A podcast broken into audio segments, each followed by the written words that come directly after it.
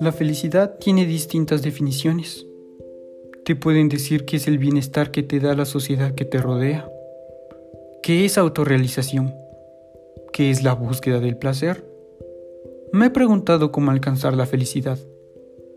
Si quieres dinero y lo obtienes, tendrás felicidad, pero te acostumbrarás y volverás a perderla.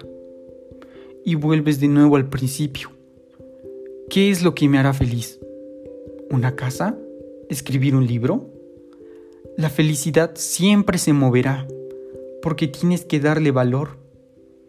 Si para ti es normal tener trabajo y una casa también, es normal que eso no te proporcione felicidad.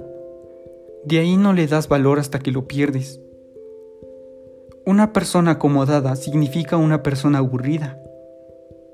De algo de lo que ya estás cómodo no se obtiene nada gratificante.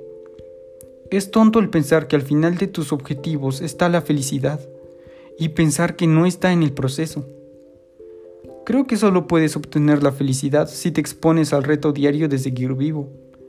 Pero como no es un método viable para todos, lo más cercano es ponerte a prueba con tus propios proyectos.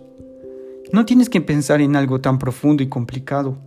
El terminar de crear una silla, un dibujo, terminar una carrera, puede darte esa sensación pero aunque te haga feliz, no durará mucho tiempo. Se tiene que aprender que nada estrictamente separado es felicidad. Cuando se describe que se disfruta más de una casa del tesoro que el tesoro mismo, es por esa razón.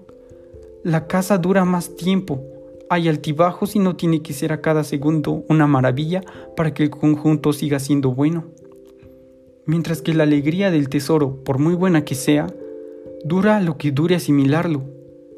Entre felicidad e infelicidad hay un rango excesivamente amplio en el que objetivamente eres feliz, pero la intensidad es tan baja que no sabrías diferenciarlo.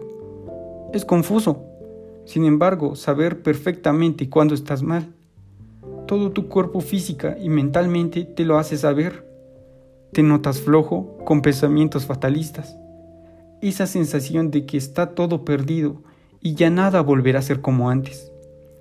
Te torturas recordando una vivencia pasada que en aquel entonces ni siquiera parecía un buen momento, pero comparado de cómo te sientes ahora, podría incluso decirse que fuiste feliz sin saberlo. Cuando estás pasándolo mal, cualquier recuerdo es un refugio. Un recuerdo aleatorio salta a tu mente y superpondrás tus sentimientos a cómo crees que te sentías y mágicamente descubres que fuiste feliz sin saberlo. En resumen, creo que los momentos en donde siento felicidad es cuando estoy resolviendo algún problema o estoy buscando alcanzar un objetivo.